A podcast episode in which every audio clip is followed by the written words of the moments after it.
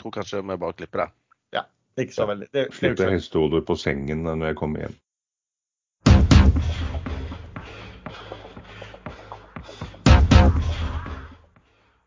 Velkommen til podkasten Aksjesladder. Mitt navn er Lars Brønningen, i denne sammenheng kalt Reideren, og med meg har jeg som vanlig En eh, ganske våken trader, Sven Egil Larsen. Og en eh, uoppmerksom Erlend Henriksen, uh, Jallakongen, også kalt. Og han sistnevnte er jo såpass oppmerksom i hvert fall at han kan ta vår disclaimer. Ja, ikke gjør som eh, vi trøtte podkastmedlemmer sier, for vi er totalt uansvarlige. Vi gir ingen råd dersom du hører på hva vi sier om markedet, aksjer, enkeltaksjer og livet for øvrig er ansvaret helt og holdent ditt eget. Det kan forekomme feil i det vi sier i programmet, og panel og panelgjester kan være langkort, direkte eller indirekte eksponert i aksjeselskaper og produkter omtales i programmet. Og vi gir altså ingen anbefalinger. Uh, Sist eh, fredag så hoppet vi over en episode, Sven, så da er det jo to uker siden sist. Eh, Hva, hva har du gjort de siste par ukene av interesse? Ja, ja, skal vi se. Det er jo ikke alt jeg husker, selvfølgelig, så jeg har juksa litt. Tatt opp uh, sluttseddellisten min her. Jeg har gjort en god del, men uh, det har ikke blitt så mye penger ut av det. Så det er jo litt trist. Jeg har uh, tatt en relativt stor, uh, til meg å være, posisjon i uh, en aksje utenfor bi fritaksmetoden, eller modellen. som er en gammel kjenning. De driver på med sånn harsh environment-rigger. De har to stykker som driver og borer nede i Namibia, som har falt som en stein de siste ukene. Jeg begynte vel i forrige uke å ta den. Den heter Northern Jeg husker faen ikke hva den het engang. Northern Ocean heter den. Jeg kaller den bare Null, jeg. Uh, Så jeg glemte ikke det virkelige navnet. Um, Den har jeg kjøpt en god del i, og fortsetter å adde. Eh, Jeg forstår ikke helt den svakheten i aksjen uh, som vi ser for øyeblikket. Jeg har eh, kjøpt bitte litt mer i Havila Kystruten, som er død som en sel. Jeg har gjort en trade i noe som heter Smart Optics. eh, og i går så gjorde jeg en, eh, en trade i uh, et selskap jeg eh, ikke har hørt så veldig mye om, som heter Omda. Jeg tror de er uh, renama etter et annet selskap. Sesam Helt, tror jeg. Ja, stemmer det. Uh, men da var det en veldig stor selger i går. og Det gikk noen blokker på 36,30 og en ivrig selger på 35. Eh, Så jeg kjøpte en chunk på 35 og, og noen litt under det òg. Eh, også i dag så er det en kjøper på 36,80, så da fikk han de tilbake. Og jeg var relativt happy. Men i går så gikk jeg på en liten smell i denne her eh, elektroimportøren. Kjøpte den på åpning 11 eh, og satte psykologisk eh, stopplås på 10, så de røyker på 10. Så der ble det en liten, en liten smell, da. Litt støt, for å si det sånn, i elektroimportøren. De kom med resultatvarsel sent dagen før. 22.48, eller var det 22.18? En av de to tidspunktene, i hvert fall. Der folk ikke gjerne eh, sitter støkk og oppdaterer Newsweb. Eh, så det var jo ganske fiffig. Men eh, markedet får det, får det med seg, eh, og eh, aksjen ble straffa veldig, veldig hardt. Jeg har ikke sett hvor den er i dag, for den har jeg liksom fortrengt. Men det står ikke helt hvor mye penger de trenger, og de sier bare at de kan bli, komme i brudd med låne, lånebetingelsene fra Q1 2024, og de melder om fortsatt dårlig salg. og Det er ganske forståelig da når du ser på ny, nyboligmarkedet. Det er jo helt fraværende og helt dødt. Så den kan kanskje slite en god stund, men jeg tipper at de får reforhandla en avtale med DNB etter hvert. Eh, Men uansett, det kan òg godt være at de må hente egenkapital. Og da blir det vel litt sør for den kursen som er, som er her nå.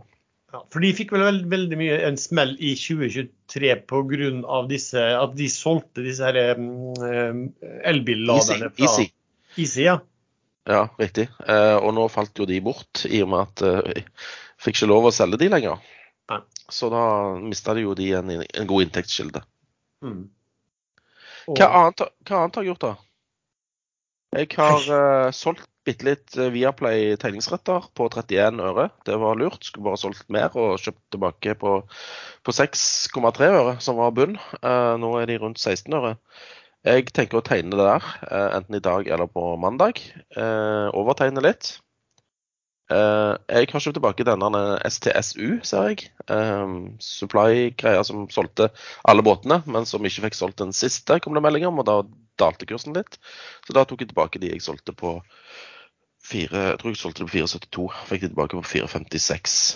Ellers Men så Men den via, Viaplayen, den, du kjøpte den aksjen i Sverige da, eh, dagen før den gikk eh, ekstra, eller slik at du fikk med deg tegningsretter, er det sånn? Jeg burde kjøpt den dagen før, men jeg kjøpte den eh, noen uker før, faktisk. Og tredde den og inn og ut, og inn på fire, ut på fem, 20, og, og satt egentlig med litt for høyt snitt når han gikk X. Kunne egentlig bare vente og kjøpe han, kjøpt han dagen før. Men det gjorde jeg ikke. Eh, men det er riktig, jeg satt over og fikk tegningsretter. Jeg fikk jo elleve retter per eksisterende aksje. Ja, men ble ikke den kursen pris, altså, Gikk ikke kursen veldig sterkt etter at den har gått X de rettene? Jo, uh, aksjekursen i Viaplay, altså Viaplay B, som er aksjen som handles, Ja. uh, ligger på 2,19. Og emisjonskursen er på 1 blank. Så Men den uh, falt aldri lavere enn 1,55, og så gikk den til nesten 4, vel? ja, riktig. Han var helt uh, bananas. Det var, men jeg advarte mot et vakuum. Så, Men hvor da var det en henne? eh, Hvor var du henne? Nei, jeg Var du i Spania?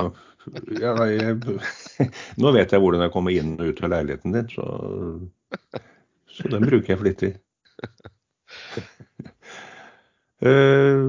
Sånn er det å være okkupant. Man kan bare Ja, du kan jo fortelle litt om eh, hva du gjorde i forrige uke og uka før det. jeg er ferdig. Ja, men, men eh, Sven. eh, To ting om denne Viaplay.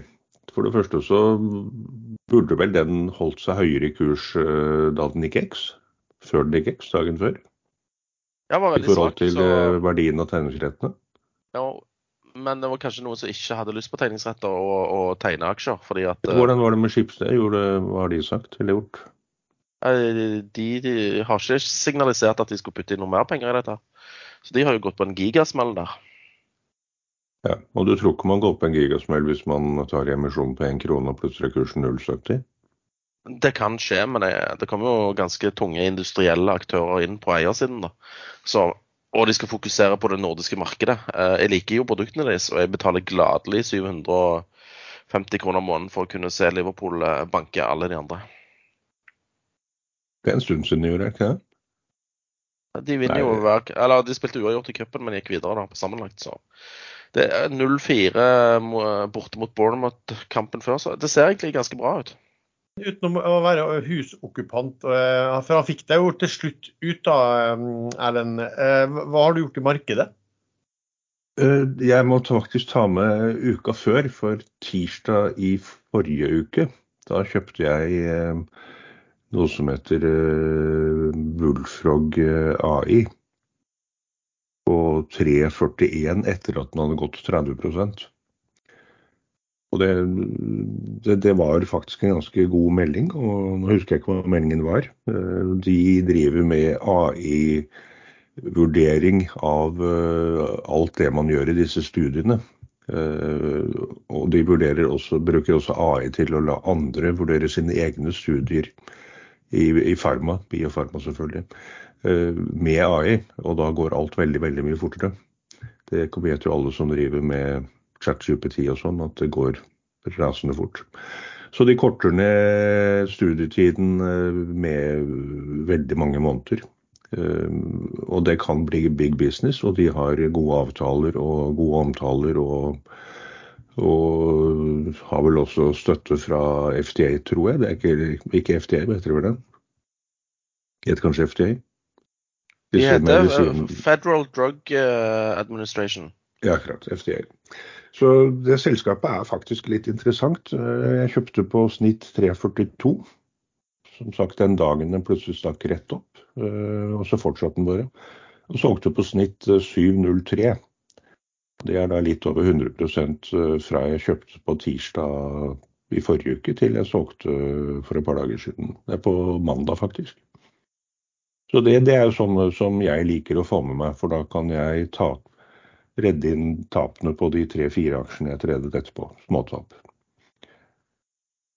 Og det sånn går nå dagene. Akkurat nå har jeg en aksje som er ned 1,49 i premarkedet. eh, etter at den falt 3 eh, fra der jeg kjøpte den i går. Så det er ikke så, det er ikke så enkelt borti USA. Det, et annet selskap kom det plutselig en melding om uh, såkalt ATM, at the market, salg av aksjer.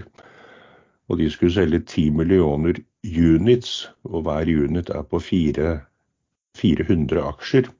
Og prisen for én unit er 0,80 dollar, og det var der kursen falt ned til.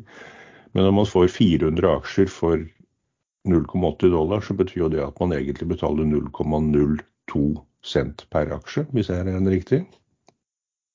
Ja, 0,2 i hvert fall.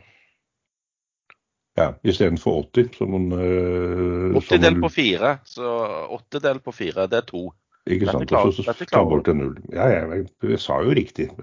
0,02 dollar var det jeg mente. Da du rettet meg til 2 cent. 0,2 cent.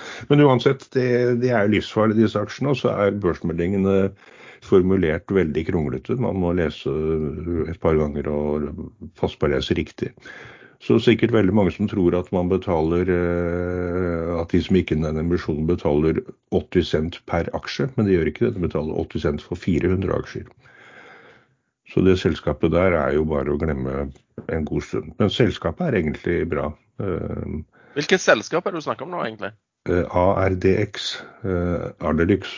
De, de har også noen fine avtaler med andre partnere. Men har du gjort noe i Norge? Ardelix, har, du, har du gjort noe i Norge?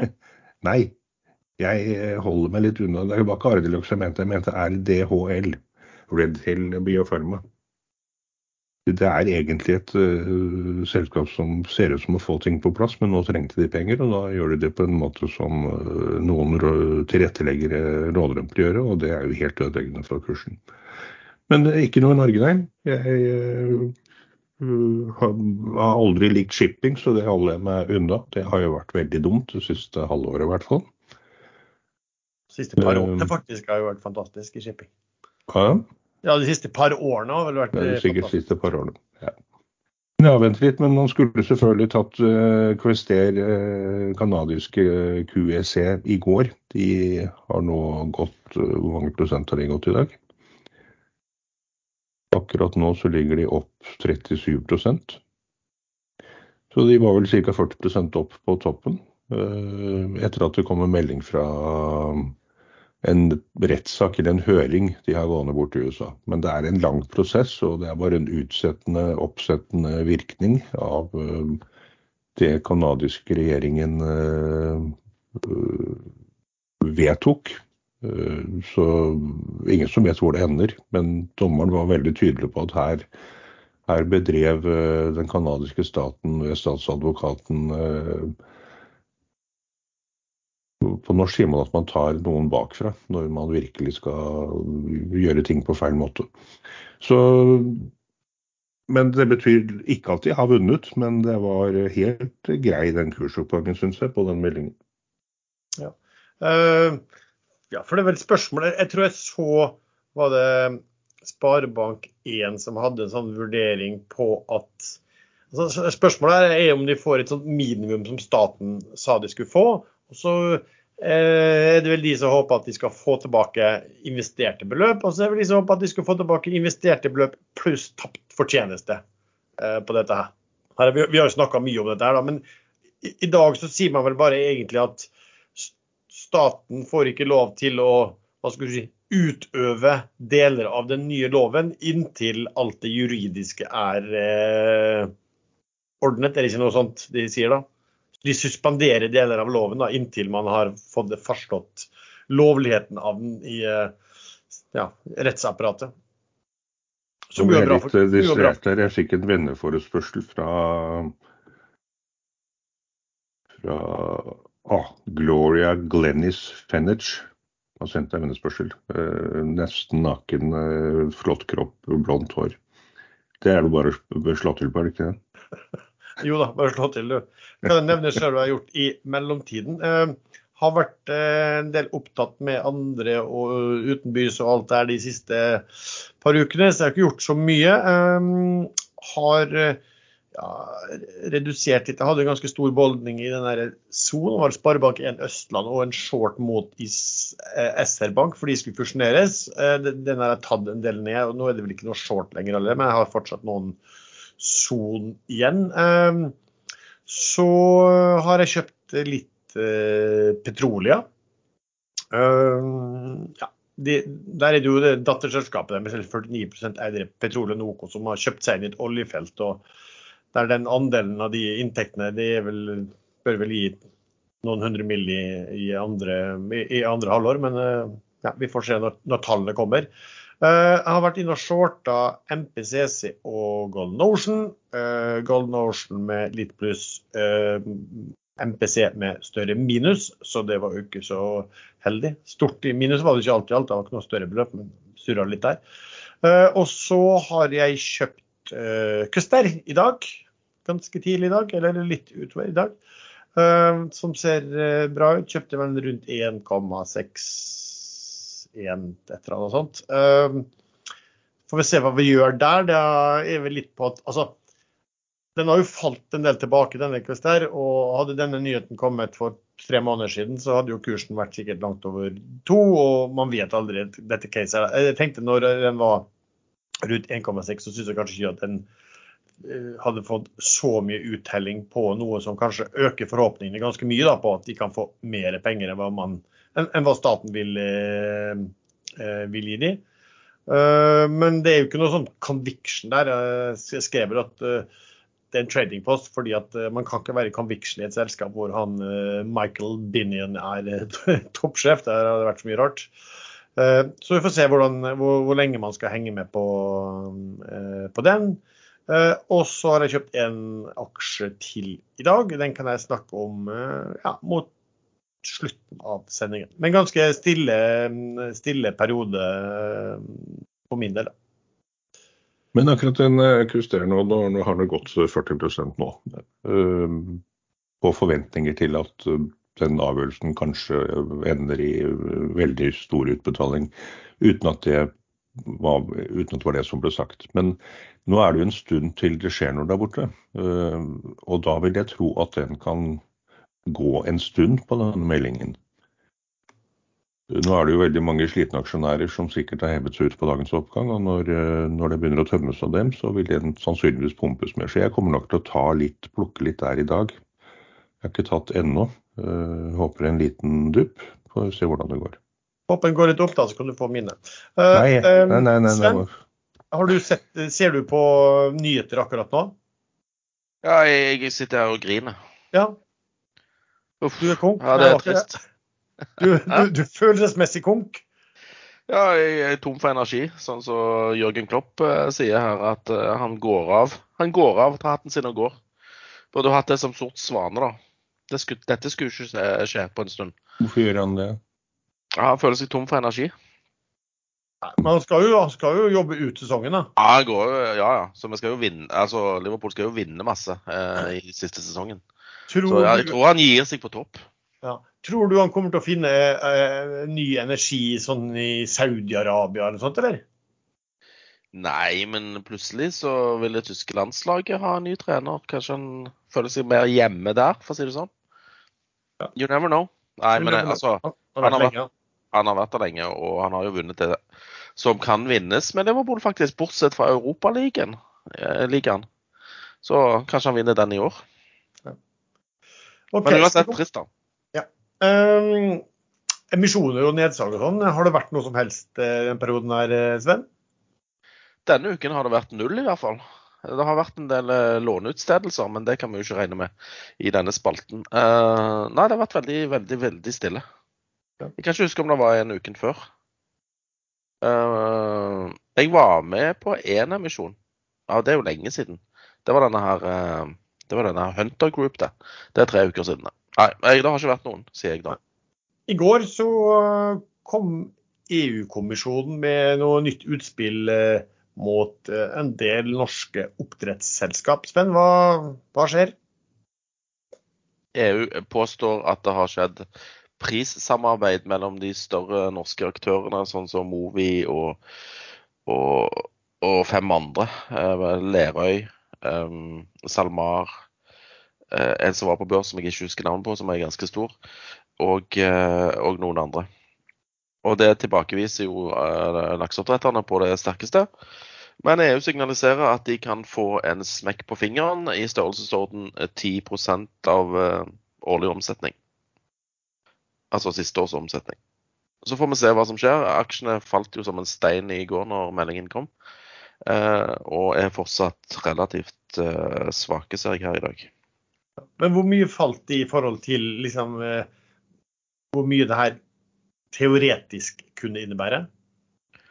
Det slengte jeg ut to Twitter-meldinger om i går. men Så hvis du bare venter bitte litt, så skal jeg se om jeg klarer å, å hente opp de. For jeg husker jo ikke dette i, i hodet.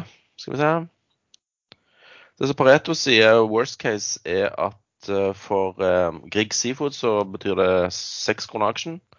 For Lerøy fem kroner, Movi tolv kroner og SalMar 22 kroner per aksje. Og de falt, bortsett fra SalMar, så falt falt vel de aksjene ganske ja, litt under det som er worst case. Så Meglerhusen i dag skriver i hvert fall at, at nedsiden er tatt ut, men at sentimentet mest sannsynlig vil, vil bli tynga av den pågående saken. Den kan fortsatt ta noen år til å avgjøre, liksom. Mm. For det, for det, ja, for jeg husker Vi har snakket om den der før, at de har vel varslet at de så på, så på dette. Eh, ja, dette er jo fra 2012 til 2019, så vidt jeg husker. Eller 2011 til 2019. Mm. Så det er jo eh, Ja. Men de har jo tydeligvis funnet det de mener er bevis for at det har pågått uh, utveksling av informasjon når det gjelder prising av laks. Så får vi se om, om det er riktig eller ikke. Så, men hva tenker du sånn sjøl da på eller, Jeg tenker sjøl at uh, ja, sentimentet kanskje er litt dårlig, men at kanskje nedsiden allerede er tatt ut tenkte jeg skulle nevne en som jeg har snakket om før. Uh, Horizont Energy, som jeg kjøpte meg inn basert på uh, rabatt på nettcash. Den glir jo og glir jo. Altså, de meldte nå at uh, de, de, ville ha to toppsjefer. De har en toppsjef fra før som er gründer, og nå skulle CFO-en også få lov til å bli toppsjef. Så de skulle ha to toppsjefer, den lille grønne knøtten. Og da måtte de også kalle inn til generalforsamling. Eh, bry aksjonærene med det. da.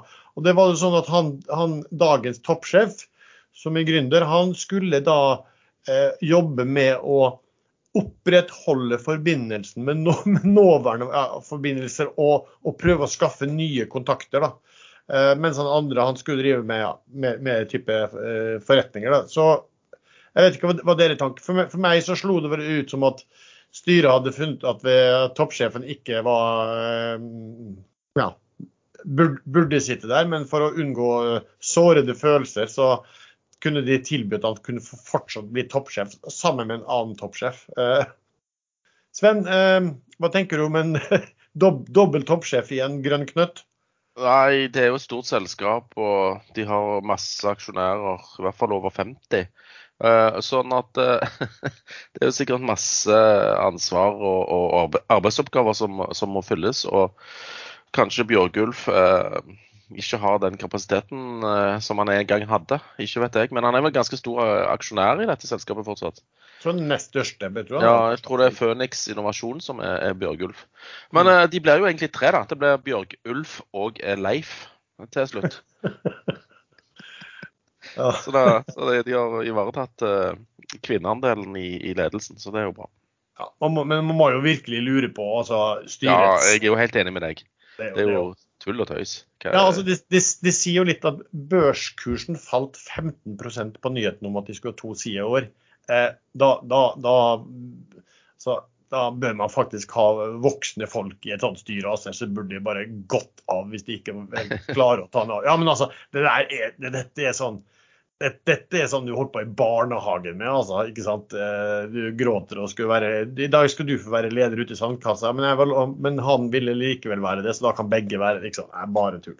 Husker du da at det skjedde med deg da du som var i barnehagen? Det var Lars som var sjefen i barnehagen, og så sa de voksne at nei, den andre òg må få være sjef. Så ja, det er derfor han. Det er derfor, ja, det var voksne i barnehagen. Det er jo en, Tenk deg en barnehage uten voksne ansatte. Det hadde jo gått galt. Det hadde blitt sånn Lord of the Flies-opplegg, det. Og de hadde jo drept hverandre. Ja, ikke sant. Ja, nei, jeg, tror ikke jeg stakk seg heller av fra barnehagen, men eh, Fikk ikke lov til å være sjef, så da var det bare å stikke av. Nå jeg, akkurat, jeg var opptatt med å plukke litt eh, QSD-er her. Eh, jeg syns charter, dagscharter ser ut som at den skal bryte opp til ny høyde, og da går den sikkert eh, 10 Ferdig. Med innskutt relativ bisetning. Det høres bra ut. Men hva syns du da, Erlend, om, om liksom å, å ansette to toppsjefer? fordi at man, de trenger å ha ulike typer oppgaver? Dette selskapet er jo eh, møkkaselskap. De prøvde seg på noe som var seriøst, og så fikk de avslag på det. Fikk vel ikke strøm til det de skulle lage oppi der. Barents Blue, eller hva det var for noe. Det er riktig selskapet snakker om nå, ikke det? Ja da. Ja, og Så Ja. fortsetter de da å gjøre ingenting og bruke opp kassen istedenfor å bare legge ned selskapet og si at dette gikk ikke, så vi deler ut pengene. Og det var jo ganske mye penger en gang, var det ikke? det? Ja, men det, jo- du, du det, er, det er jo ikke riktig. Eh, for at de har jo fått konsesjon på um, karbo, altså lagrings på, på, på, i Barentshavet på å lagre karbonlagrene her. Så de har fått med seg en stor, veldig stor polsk aktør eh, som gikk inn som operatør der. Så det er jo ikke riktig at de, de holder på. Men poenget er at de inngår jo avtaler med disse polakkene, og så skriver de ingenting om tall på ting. Og når man ikke skriver noen ting om tall, hvor mye skal de nye medeieren medeierne eh, som blir operatører, hvor mye skal de betale for å komme inn, hvor mye kostnader kommer framover, hvordan ser forretningsmodellen ut på dette her?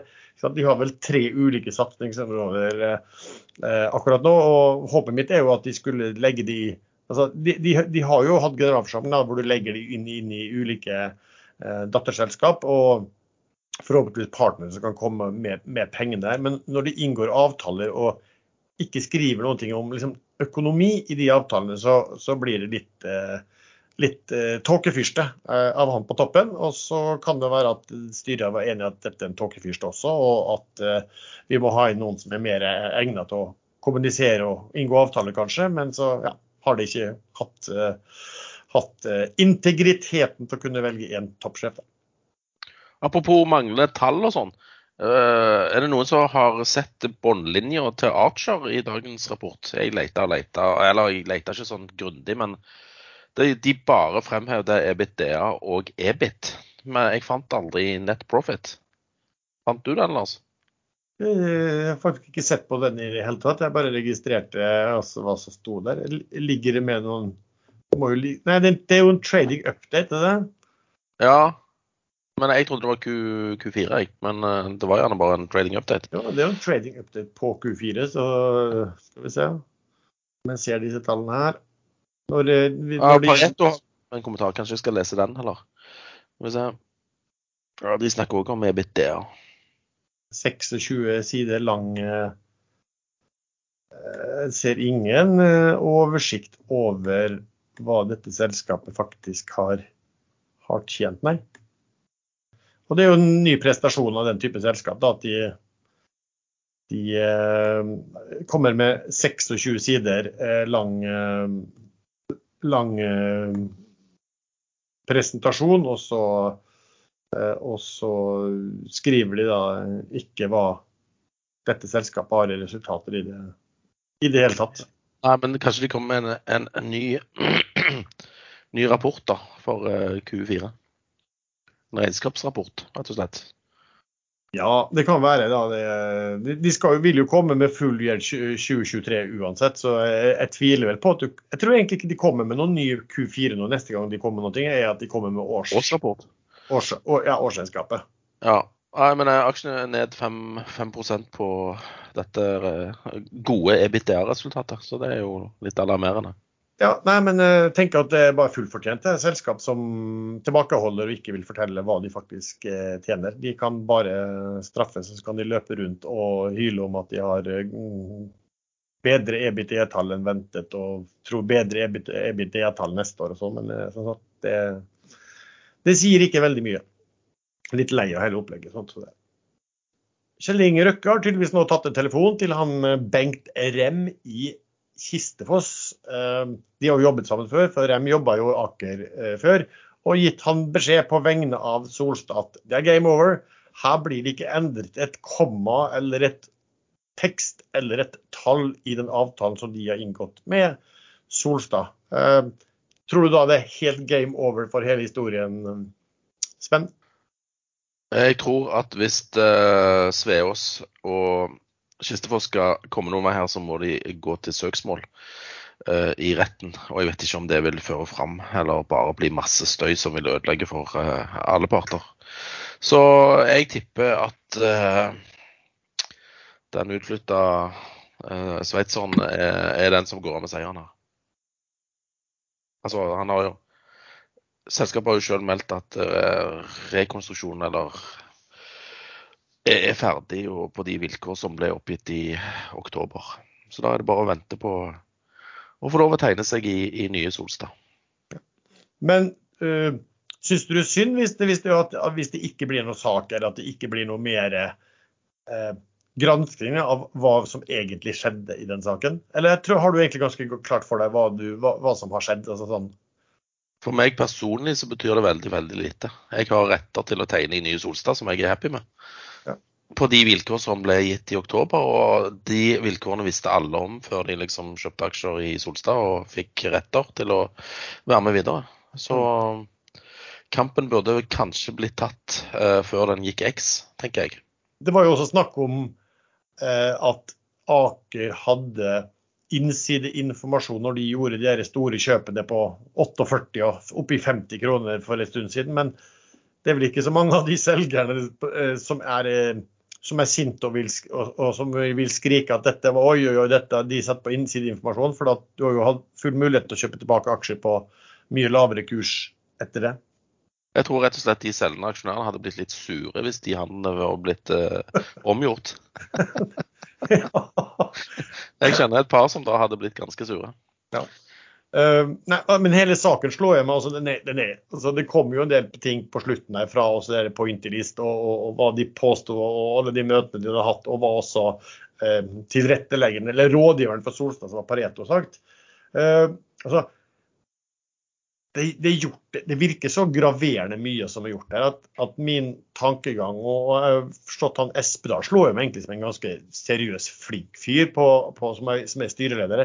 Så mitt, det jeg tror er vel at eh, DNB Jeg tror det kan stemme hva som DNB, nei, Pareto hadde sagt til eh, noen av de der, tidligere aksjonærene, eller aksjonærene som ville inn med penger ellers, at, at bankene ville ha Aker som eh, hovedeier. Uh, tror jeg godt kan stemme ut ifra hva som har skjedd der. Så er det da problemet at uh, det kan man kanskje ikke si offentlig. Uh, fordi at du, du, kan godt få bråk. Altså, um, jeg har jobba i bank før, da, og det er klart at for bank er det viktig. Skal de være med å refinansiere et sånt selskap, så er det veldig viktig fordi hvem som er um, aksjonær. Så det er, noe, det er, ikke noe, galt å si det. Men problemet blir bare at Eksfin er jo 100% stat, og DNB er jo eid ganske mye av staten. Eh, og hvis statseide långivere begynner å gi føringer og peke ut hvem skal dra, nytt, hvem skal dra fordel på bekostning av andre aksjonærer, eh, det er vel da du kan få litt sånn problem. Så det er kanskje den som er litt sånn interessant, hvis det var slik at det, det, er, det er bankene som egentlig har har lagt, lagt det til rette. Da. Pluss at hvis, hvis, det er sånn, så har det jo selvfølgelig gitt uh, Aker en fantastisk god forhandlingsposisjon da, mot Solstad. Hvis bankene sier at vi kan refinansiere hvis Aker, uh, hvis Aker blir, kommer i majoritetsposisjon, så, så, har de jo en fantastisk fin forhandlingsposisjon. Da. Så vi får vel se hva som, hva som skjer der. Har du noen sånne tanker på det, hva det her ender med til slutt, Erlend? Nei, dette er uh, gigantene som slåss sammen. Så får man bare se hva, det ender med.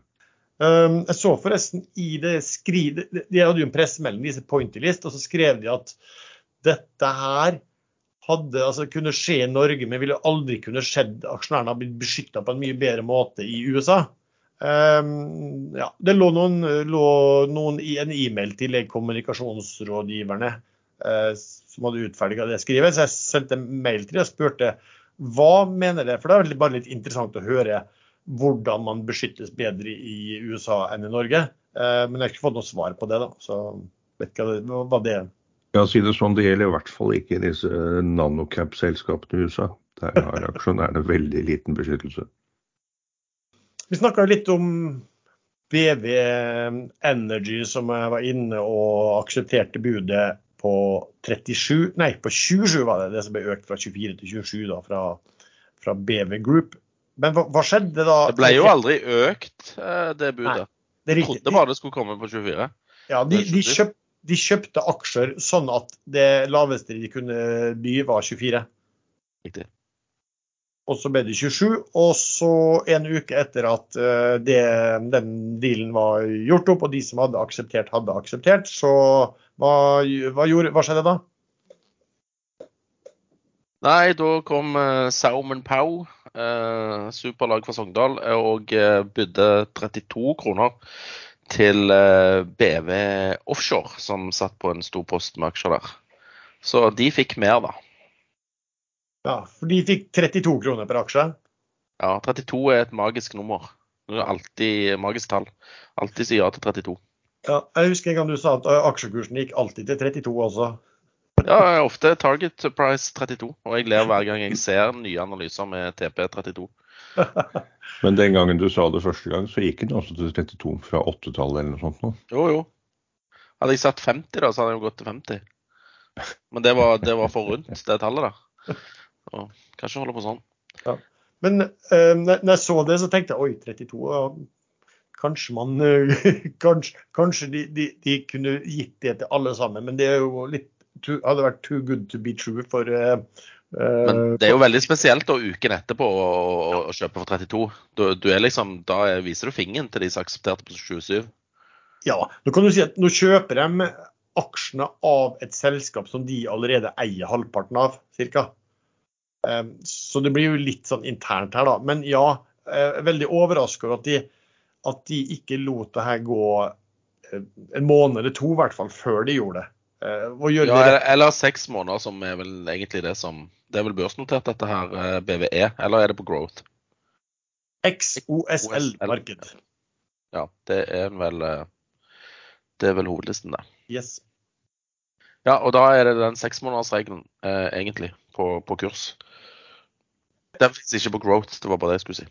Men det var jo sånn at det var bydd 27, og da sa BV Offshore nei til det. Og i BV Offshore så sitter jo han uh, Stoman Pow. Uh, han sitter jo i styret der, men de, de, han som og vel, kanskje en til som representerte da BV Group inn i BV Offshore, de trakk seg fra, fra behandlingen i styret. da. Eh, og Så sa altså styret nei på 27, og så kom da BV-gruppen tilbake når budet var utløpt og sa at dere skulle få 32 i stedet. Kunne jo, man kunne jo alltid mistenke det, at uh, dette var noe de BV Offshore visste om uh, før. Uh, men jeg tviler vel på at, at BV Group har vært så dum og rota det så til at de har liksom Ja. Jeg er villig til å vedde én Singapore-dollar på at de visste.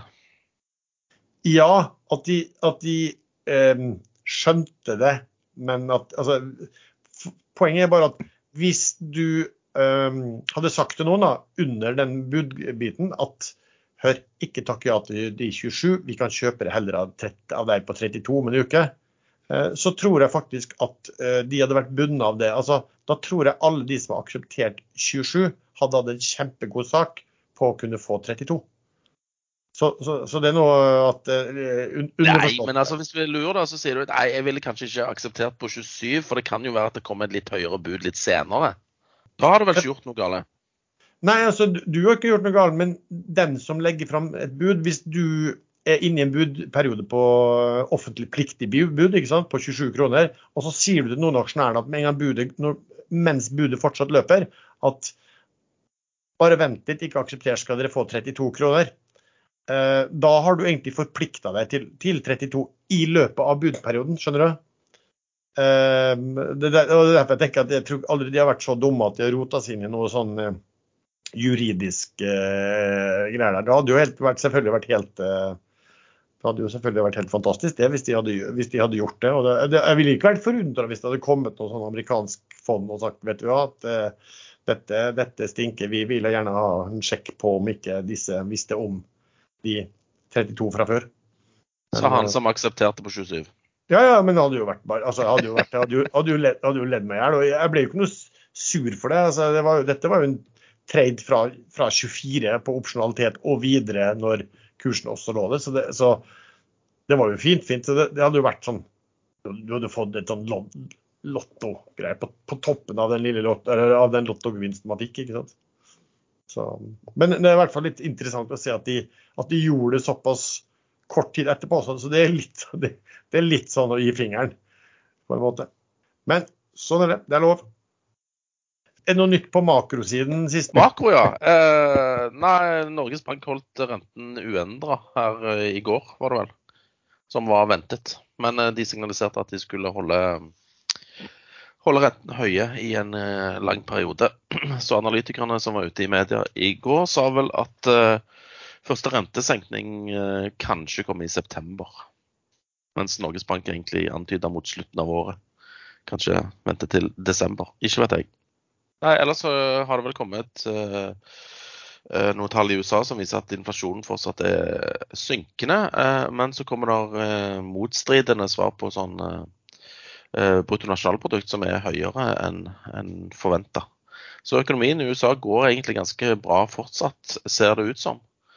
Um, så det vil vel kanskje ta litt tid der før rentene kommer ned der også. Uh, også i tillegg kom det vel uh, detaljhandelstall i Norge i dag som var svakere enn ventet.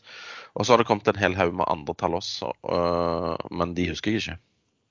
Kommer det ikke noe USA tall i dag? Noen inflasjonstall som kommer i dag? Han? Pleier ikke komme på fredagen. Det var, var, ikke de som kom i går, da. Det er PC, ja. PC sammen med, med, BNP. Ja, det kan sikkert godt være. Jeg var på uh, reise i hele det går, så da sikkert Ja, jeg tror de kom i går. Og de var vel Jeg vet ikke om de var tiendedel under forventningen, forventningen på den PCE-deflatoren, men BNP var markert høyere enn forventa. Ja. Men det ser også ut som kanskje kineserne å, myndighetene begynner å svette litt over dårlig økonomisk eh, utvikling. De begynner vel å kunne stimulere til at bankene skal låne mer. Og så er de stressa over at eh, kinesiske børsene faller og faller og faller. Ja, de har jo stimulert aksjemarkedet. Uh, og det er vel uh, Var ikke Einar Førde som, uh, som, snakket noe om at det var bare havre til en død hest, liksom, i sin tid?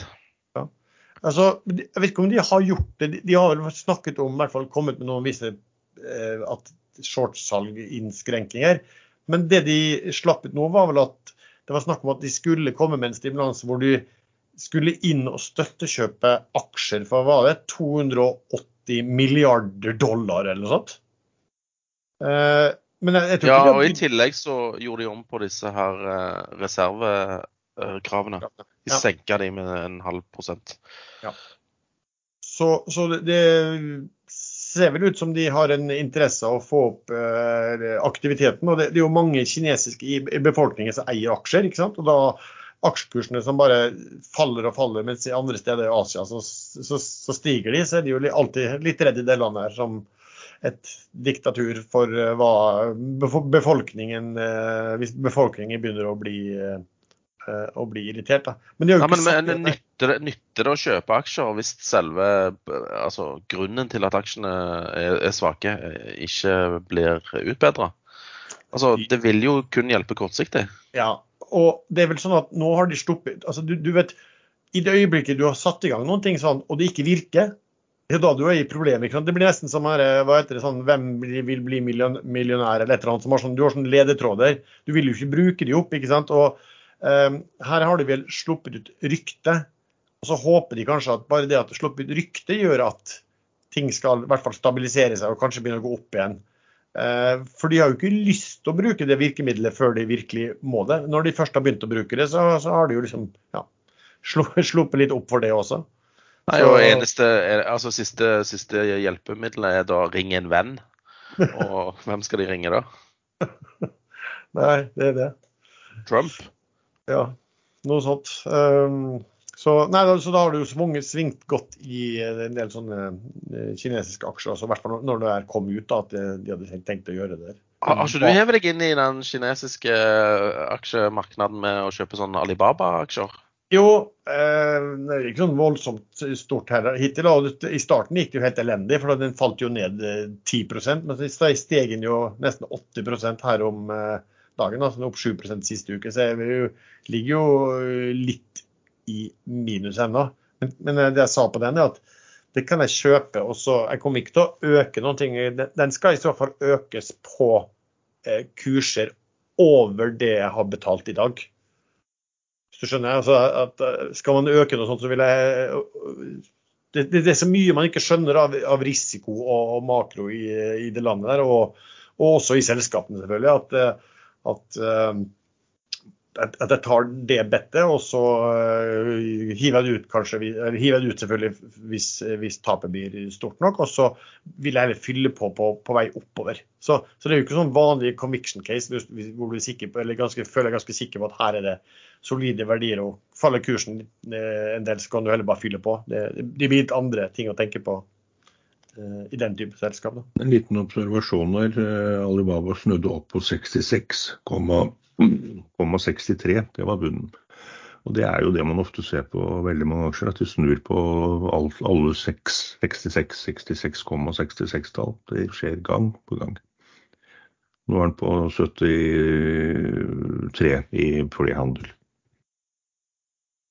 Men det var selvfølgelig, den var nede på 66 den dagen Kina kom med nyheten om at de skulle kjøpe aksjer i aksjemarkedet. Hvorfor gjør ikke Norge det? Støtte, støtte en litt svak børs og gå inn og kjøpe masse aksjer?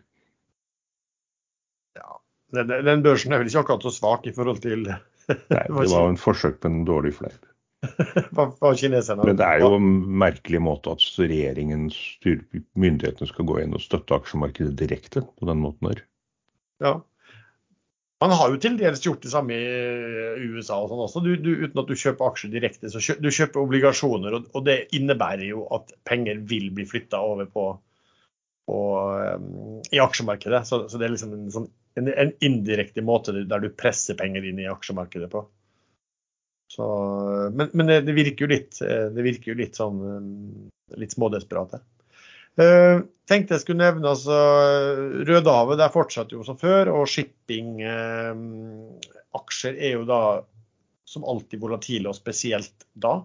Altså det er Den LPG-aksjene som har gått så veldig, de har falt jo plutselig som en sten, de ratene der, og aksjekursene falt en del også. Uh, og Det var vel fordi at disse propanprisene i Eh, USA forskjell mellom det og propanprisen i Asia ble mindre, og da ble det ikke så lønnsomt å sende båter over med propan. Og da falt jo det fort, da. Så, så, men det var en uh, interessant Clarkson hadde et sånn lite estimat på, eh, på forstyrrelsen i Rødehavet og hvor mye seilingslengden, som er på en måte etterspørsel da, på de ulike shippingsegmentene, ville øke så, så, så lenge dette foregikk. Uh, og det bare, kan du bare si oppsummeringsmessig. Containerskip var det på 8,6% Biltransport 6,4% Produkttank 5,6% LNG 4,4% LPG 3,6% og tørrbulk bare 1,2% Kjemikalietankere 0,8% og råoljetanker overraskende lave 0,4% Så det kan jo være greit å ha i, ha i bakhodet også på på hva som måtte, hva som måtte skje der. Uh, var det noen av dere som fikk med dere Tesla-tall i går? Det var, det var, vel egentlig i forgårs kveld? Så du på det, Sven? Fikk bare med meg headlines at uh, de var svakere enn venta. Aksjen falt 12% og Elon Musk klager på kinesiske elbilselskap som uh, dumpes i markedet. Ja, fordi det var vel en av de kinesiske som nå har blitt Verdens største Bud. Bud ja. Uh, ja, vet du hva Bud står for? Nei. Build your dream. Ja, det står det faktisk i full tekst på noen av de bilene. Ja, det er flaut. Ja, det er flaut, det. Det er grunn nok til å ikke kjøpe bil. Men jeg, jeg, satt i en sånn uh, taxi en gang som var sånn Bud. Ja, det så jo ut som en Tesla-kopi inni. Ja, jeg syns de har tøffere design, så Kina gjør mye riktig med disse bilene sine. Ja. Men USA de hører, har jo De hører alt du sier i taxien. Det er i hvert fall sant. Tenk deg sitter masse med millioner kinesere og hører på uh, folk som, uh, som, sitter i sånne budbiler. Bare avlytter de. Det er jo litt det samme til et tema som uh, disse 5G-tilbyderne. Ah, ja. De kan avlytte hvis de vil. Det er veldig vanskelig å sjekke. Og klart Kina vil avlytte hvis de kan, så man må ha det i bakhodet. Ja. Men det, det, er litt, eh, jeg tenkte også når jeg nevnte shipping, da, på uh, biltransport har jo vært knallbra, disse shippingselskapene der i, i en lengre periode nå. Og det er jo pga. den sterke økningen i kinesisk bileksport. Så klart, det er litt urovekkende nok for dem, for, for EU-kommisjonen har jo sagt at de tar opp og ser på om det gis da utilbørlig statsstøtte i, i Kina. Noe de kanskje sier uansett for å beskytte egne egne bilprodusenter i Europa. Når Elon Musk også går ut og sier det, liksom at uh, hvis man ikke uh, ja, sørger for å beskytte uh, de egne produsentene, så kommer de kinesiske til å knuse dem. Det er jo ja, det, det, det, er jo sånn Kina har bedrevet eksport i alle år. De subsidierer alle nye markeder som de vil inn i såpass mye hjemme i Kina at de at de overtar markedene. De andre klarer ikke å konkurrere. Sånn som solceller og silikonproduksjon, hele, hele pakka. Men i USA har jo Biden faktisk gjennom denne av mange kritiserte IRA-støtten satt en sperre for dette her. For det er kun, kun biler produsert i USA med amerikanske utvinte materialer, både metaller og alt man trenger til batteriet, som får tilskudd når kunden kjøper bilen. Så en indirekte eh, blokkering av kinesisk import. Sven, husker du eh, kursoppgangen i Avilko Drilling? Den husker jeg eh, med stor smerte, ja. Men uh, du så kanskje at tenk jeg bare nevner det, denne motparten, Kepler, de har beslutta at de vil anke voldgiftsdommen. Heter de Kepler eller Keppel? Jeg tror jeg sa Kepler, men kanskje. Men det heter jo Keppel i hvert fall. Ja. De har sagt de, de vil anke, og jeg har jo kjøpt en del aksjer rundt 15-16, og nå er han på 12. Så da kjøpte jeg masse aksjer i forgår når det var en ivrig selger på 12-10. Så nå er jeg vel en, en av de større aksjonærene i det selskapet der. Ja. Det er meg og, meg og Alf. Det kan ikke gå feil. Nei, Jeg så faktisk på det at det hadde vært sånn, og det var, eh, den dagen så kunne jeg dessverre ikke handle aksjer. Og det tenkte jeg dessverre når jeg så at det gikk mye aksjer på, eh, på, det, på det, nivået. For klart, altså jeg gjorde en sånn jeg vet ikke om det er så riktig, men jeg spurte jo ChatGPT hvor ofte, og, og, også noen andre hvor ofte man eh, får lov til å ta opp sånne eh, voldgifter i high court. Altså sjansen for å, for, for å, få lov til å ta opp sånne Vi har jo snakka om det i eh, for denne Northern Drilling også. Sjansen for å vinne igjen og for helt tatt få lov til å anke er jo veldig liten. Og i tillegg, da, hvis du får lov til å anke, så, du, så, så skal du jo også eh, eventuelt vinne den på nytt. da. Og det, det sier jo selv, Du har jo en voldgift årsak til at man bruker voldgiftinstrumentet, er jo for å unngå alle disse eh, rettsprosessene. Det ville jo bare vært meningsløst hvis du, gikk, altså hvis du skrev avtaler som innebærer voldgift. Men hvis du ikke liker voldgiften, så kan du likevel sitte og kjøre det gjennom, eh, gjennom eh, rettsprosessene. Så etter all sannsynlighet så, så, vil ikke Keppel få lov til å ta opp igjen eh, Keppel, Keppel, Keppel. Ja, jeg sa Keppel nå. Å, jeg syns du sa Kepler igjen, jeg. Nei da. Nei, men jeg har noe galt med headsetet mitt. Ja.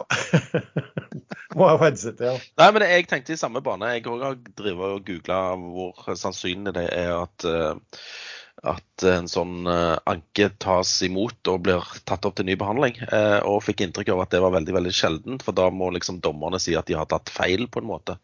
For det er jo samme, samme instans som da skal avgjøre om det skal tas opp til ny behandling.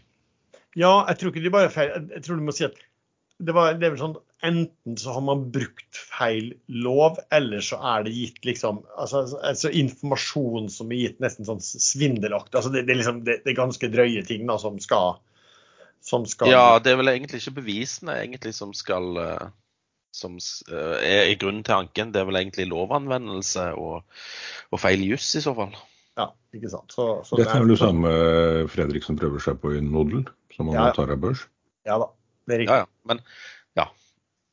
Det har litt med sånn kundeforhold å gjøre òg, tror jeg, det Fredriksen-opplegget. Ja. Blir du med avbørsvenn i Nodel? Når det er en drilling? Nei, den har jeg aldri eh, rota meg eh, borti. Det er den, eh, den, andre jeg holder på med. Den som heter Nodel, vet du. Ja. Når jeg trada Nodel litt, og det gikk egentlig veldig bra, men jeg beholdt én aksje. Man vet aldri hva, hvor bra det kan være å eie én aksje i et sånt selskap. Den er nå verdt eh, 10,14 øre. Ja, nå tuller du. Ja, det må jo være mer. Nei, jeg så på feil aksje. 38 øre. Den har falt mye siden vi advarte om den. i- Hva var den? Den gikk opp i 4-5-6 kroner. Og det, ble, og det ble fortalt sånne eventyrhistorier på sosiale medier. Men, men uh... Dere advarte jeg, så kalte jo den et uh, typisk vacuum case, og det slo jo til, det. Jo, jo, men du, du, du gir jo uttrykk for når du kaller det vacuum case for at det, At det skal, ikke har noe med eh, fundamentale å gjøre. Nei, nei, nei. Det er jo, skal, alt skal jo dass etterpå. tenkte også bare nevne, eh, for den vet jeg nevnt før her også, dette Greenstedt, som er et sånt eh, investeringsselskap som har brukt mye crowdfunding for å hente penger inn. Og jeg advarte vel om at mens Aker Horizon og alle disse her grønne aktørene falt som en sten på børsen, så henter disse her stadig penger i eh, crowdfunding-markedet til økte kurser. Eh, Men nå møtte de vel sannhetens øyeblikk, da, for nå måtte de ha en, en del mer. Og da eh, ble vel kursen redusert var det fra 8 kroner sist emisjon, og nå ned på tror jeg var 2,2, der det kommer en liksom, stor utlending inn også. Så det var vel en del, det var vel en del aksjonærer som var, ble, som har vært med på det unoterte, altså litt vondbråten over det.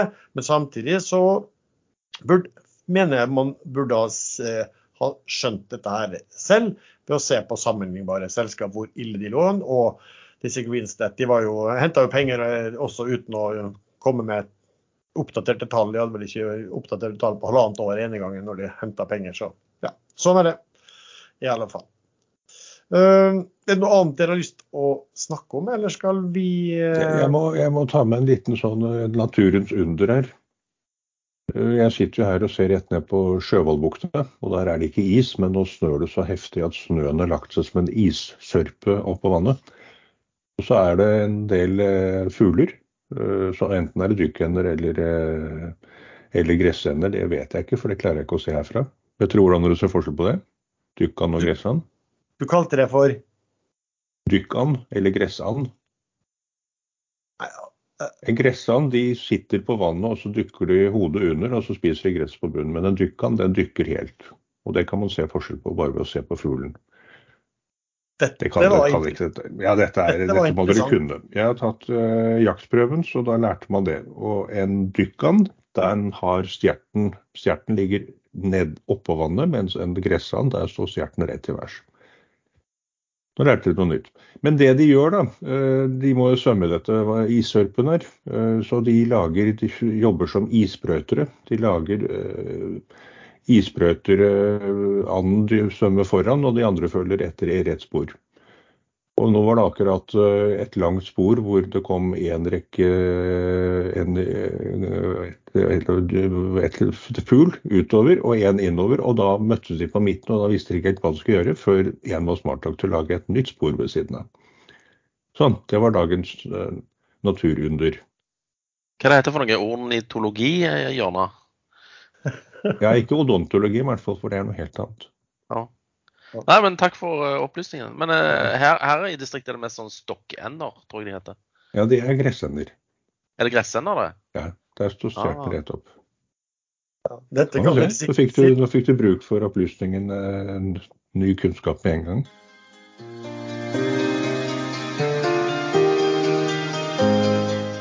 Aksjesladder sponses av IG, tradingmegleren som tilbyr en tradingplattform for deg som vil handle med giring. Det er rapporteringssesong nå. Er du interessert i å ta eksponering mot aksjer som Tesla, Apple, Netflix eller Microsoft? Det kan du via IGs turbowarranter Turbo24. Disse er faktisk døgnåpne fem dager i uken. Dermed får du uavbrutt tilgang til de finansielle markedene fra mandag til fredag, selv når underliggende marked er stengt. Turbowarranter, også kjent som turboer eller turbosertifikater, er altså verdipapirer med giring. Prisen sporer en underliggende finansiell aktiva én for én, og du kan gå long eller short. Så du tar i bunn og grunn en giret posisjon, 3 til 5 til 10 og opp til 15 ganger, på om prisen til aktivumet du har valgt, stiger eller synker. For hver trade velger du et knockout-nivå, punktet der du ønsker å gå ut dersom markedet snur seg mot deg. Dette bidrar til å bestemme kjøpsprisen for turboen, som vil være ditt maksimale potensielle tap. Vil si at du har kontroll over din risiko, og at du alltid vet hva du maksimalt kan tape på hver Turbo 24-trade. Åpne en demokonto for å teste, eller livekonto på ig.com. Men husk at all handel med finansielle instrument innebærer risiko.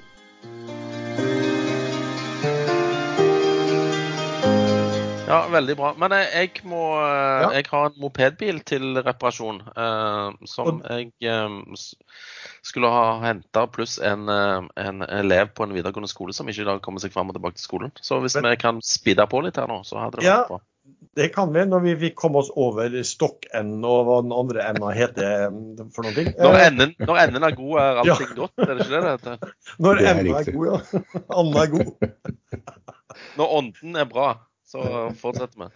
Men eh, Sven, da kan vi ta det vi bruker å avslutte med. Om du har noe som ja, Gjett om jeg har! Ja. Få høre. Neste uke. Nei, neste uke, da tror jeg at Q-Fuel blir eh, suspendert og aldri vil trade mer på Oslo Børs. Eh, nå har de konvertert Nå har Viridor, eh, eller et datterselskap av de, eh, konvertert de aksjene de skulle på 4, eller det lånet de skulle på 409, og kommet seg opp i 90,85% Kapitalen er registrert, og i meldingen sier de at de vil komme til å eh, gjøre en um, compulsory acquisition, som det heter på engelsk. Altså en tvangsinnløsning. Så da er det bare å hente fram popkornet og eh, ta et bet på om det blir 6,38 kroner, eller om det blir lavere. Jeg tror ikke det blir høyere. Aksjen ligger nå på 5,85, ser det ut som. Eh, Så markedet gir det en viss sannsynlighet for at det kan bli 6,38. Og jeg har jo fortsatt det som mitt base case, så får vi se. Det kommer nok til å skje en av eh, de nærmeste dagene. Så Kanskje allerede i kveld, og da er det jo litt for sent i forhold til denne podkasten. Men uansett, eh, hvis du vil ha litt spenning og ikke vant eh, verken Eurojackpot eller Vikinglotto i, for to uker siden, så er kanskje Q-Fuel eh, et lite bedre. Ellers eh, Northern eh, Ocean null. Falt som søren. De har to rigger i arbeid i Namibia, hvorav de fikk forlengelse på Mira, altså Vest-Mira, mens eh, eh, Total var det vel ikke utøvde opsjonen på Bolstad, og den har da jobb ut eh, eller til sommeren 2024. Med det riggmarkedet som er nå, eh, så tror jeg det er veldig sannsynlig at de får en ny kontrakt på Bolstad, og da forstår ikke jeg dette fallet her som har Jeg må bare sjekke hvor mye han har falt de siste ukene her. Um, skal vi se. Siste måneden har den falt 16 uh, Falt 23% siden årets begynnelse. Så um, jeg har tatt den nå. Jeg gir ingen garanti for at den vil uh, snu opp igjen uten at det kommer nyheter. Men uh, ja, jeg tror det vil være mulig å, å få forlengelse på Eller få en ny kontrakt på, på Bolstad. Så det er vel de to jeg har. Uh, jeg sitter i Havila kystruten. Jeg holdt på å si stuck, men du er ikke egentlig stuck. Kan jo selge med tap, men det, det liker jeg ikke så veldig godt. Så da ble jeg sittende der og håpe på gode bookingtall. Og media kjører på med at turisme til Norge er på all time high, og jeg forventer at det kommer et eller annet positivitet der en eller annen gang. Det var det fra meg. Very good. Jeg glemte, jeg, jeg glemte at jeg hadde handla Argeo. Eh, de fikk jo en kontrakt, eller en intensjonsavtale om, en kon- om en kontrakt. Så da solgte jeg, og så kjøpte jeg den tilbake igjen. Men nå har jeg solgt den igjen. Så nå vet jeg ikke helt hva jeg skal gjøre med den. Men den òg er verdt å følge med på hvis de får bekrefta størrelsen og sånn på den kontrakten de lå an til å få. OK. Erlend, har du noe spesielt?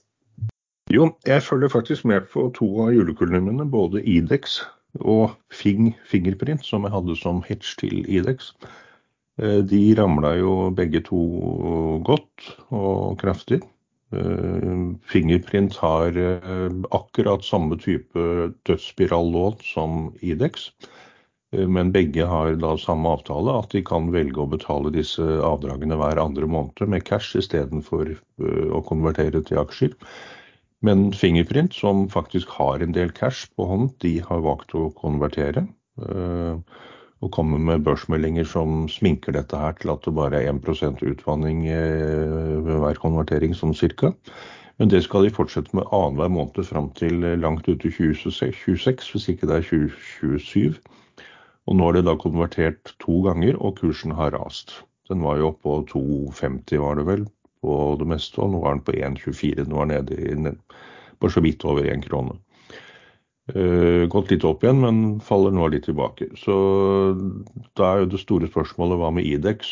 De der forfaller snart første avdrag, og da spørs det om de velger å betale med cash, som de har etter emisjonen, eller om de også konverterer, og da kommer den kursen til å fortsette nedover, tror jeg. Nå er den på to kroner, har vært under, godt under to. Um, Ellers så ser det ut som at SAS har begynt å bli et dødt case. Eh, der selges det 40-50 millioner aksjer om dagen, og det begynte litt før generalforsamlingen som de måtte innkalle til for å godkjenne tilbakevirkende kraft, noe som gjorde at de fikk beholde 8-9 milliarder EU-støtte fra covid-perioden. Eh, og da er det egentlig ikke noe grunn for noen aksjonærer lenger eh, som kanskje ønsket at den avtalen skulle gå gjennom, eh, til å holde på aksjene. Så nå spørs det om ikke noen av de store har begynt å selge ut.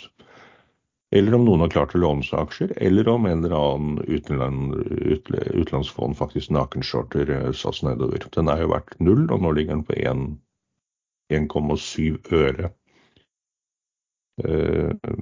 Men den kan sikkert få seg en rekyl plutselig hvis noen eh, vakuumpumpere tar tak i den. Da kan det være at jeg hiver meg på, men jeg rører den ikke før den eventuelt snur opp. Men så er det QEC, da.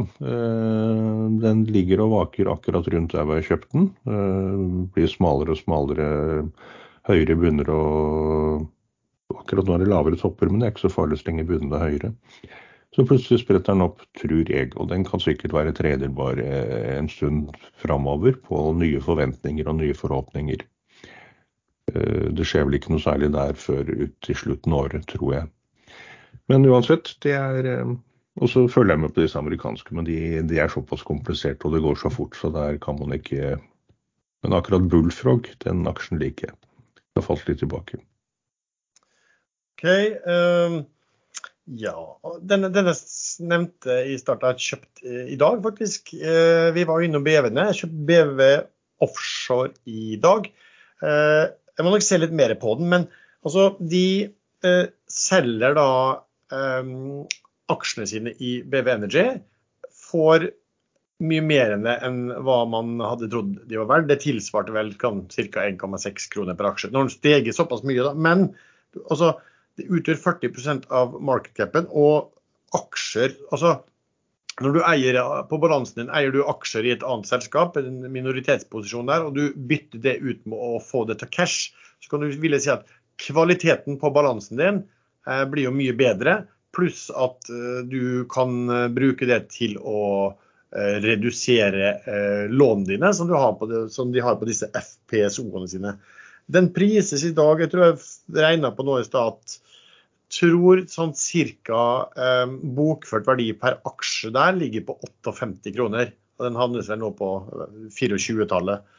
Eh, og det er jo grunner til at den har vært så lav. da, fordi at de, eh, de har jo FPSO-er som tjener gode penger, men så har de et sånt kjempeprosjekt en, på Barosso-feltet, heter det vel, eh, eller en lisens eller felt utenfor eh, Australia hvor de bygger en sånn eh, FPSO hvor de har hatt store overskridelser. Og ikke nok med det, så har det, det vært utsettelse på tillatelser på dette feltet der den skal inn og vel jobbe i er det 25 år eller et eller annet sånt. Den hadde avtale på i, der den skal ligge i, um, i Australia og tjene årlige gode rater. Men uh, jeg så i Australia nå, så hadde de åpnet, der hadde, hadde domstolen nå Eh, åpnet og gitt dem tillatelse på, på, en del som, som, som, hadde skapt forsinkelser også. Eh, også kjøpt eh, Oddfjell Drilling eh, i dag. Eh, litt pga. så Carnegie var ute med, med, vurderinger på rigg, og det var den de egentlig fremhevet da eh, ganske klart, og økte kursmål, mens de reduserte en del f.eks. i, i Seadrill. Ellers Hafnia har jo vært veldig fin da på produkttank, og produkttankratene har jo skutt noe voldsomt i været de siste eh, dagene. Nå er det korttids eh, sannsynligvis da, noe som pågår i kort tid, men ratene er, er jo uansett, uh, uansett, gode. Så der har jeg bare sittet og, og, og, flyter fortsatt bare med på det.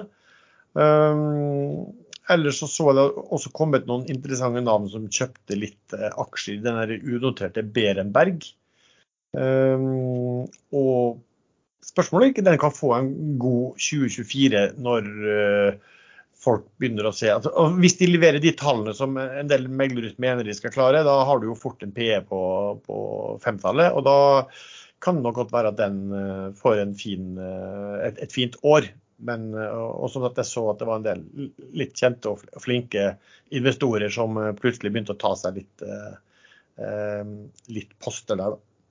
Kan også nevne Saga Pure, der jeg så jeg ser at det er en eller annen post i SE-banken som eh, plukker litt aksjer for tiden, men man vet jo ikke helt hvem som, eh, hvem som står eh, bak den. Og så vurderer jeg å Bonheur, da, som gikk fra 180-tallet til 260, og så var DNB litt mer lunken, og kursen snudde og falt ned fra 260 til 218. Uh, og der jeg kanskje vurderer å, å øke litt på, på, hvis den ser ut til å ha stabilisert seg der.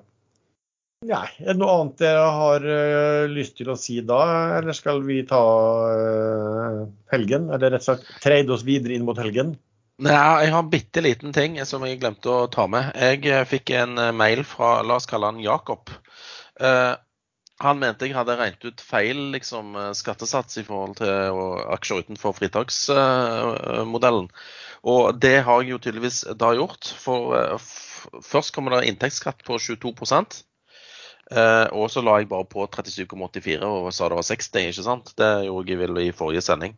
Men det riktige er jo først tar du bort 22% og så tar du 37,84% av det som blir igjen. Sånn, så total skattesats blir da 51,5% og ikke 60 som jeg ved en feil oppga. Så takk for den oppdateringen der. Så da kjøpte jeg aksjer i null, da, eh, med god samvittighet. det ble ikke fullt så mye skatt, liksom? Nei, nei. Av vilk og drilling og hele biten? Ja, nei, den er britisk, så den er faktisk inn forbi fritaksmetoden. Men uh, nå må jeg snart uh, ta en tur på toalettet, og så må jeg ta en kjøretur. Ja, Og med det så takker vi til deg som har lyttet til denne, til denne episoden. Uh, du treffer stadig oss tre chattene inne på um, Ekstrainvestor. Vi har også en egen gruppe på Facebook som heter podkasten Aksjesladder. Musikken er som vanlig laget av sjazz.com, og vi høres.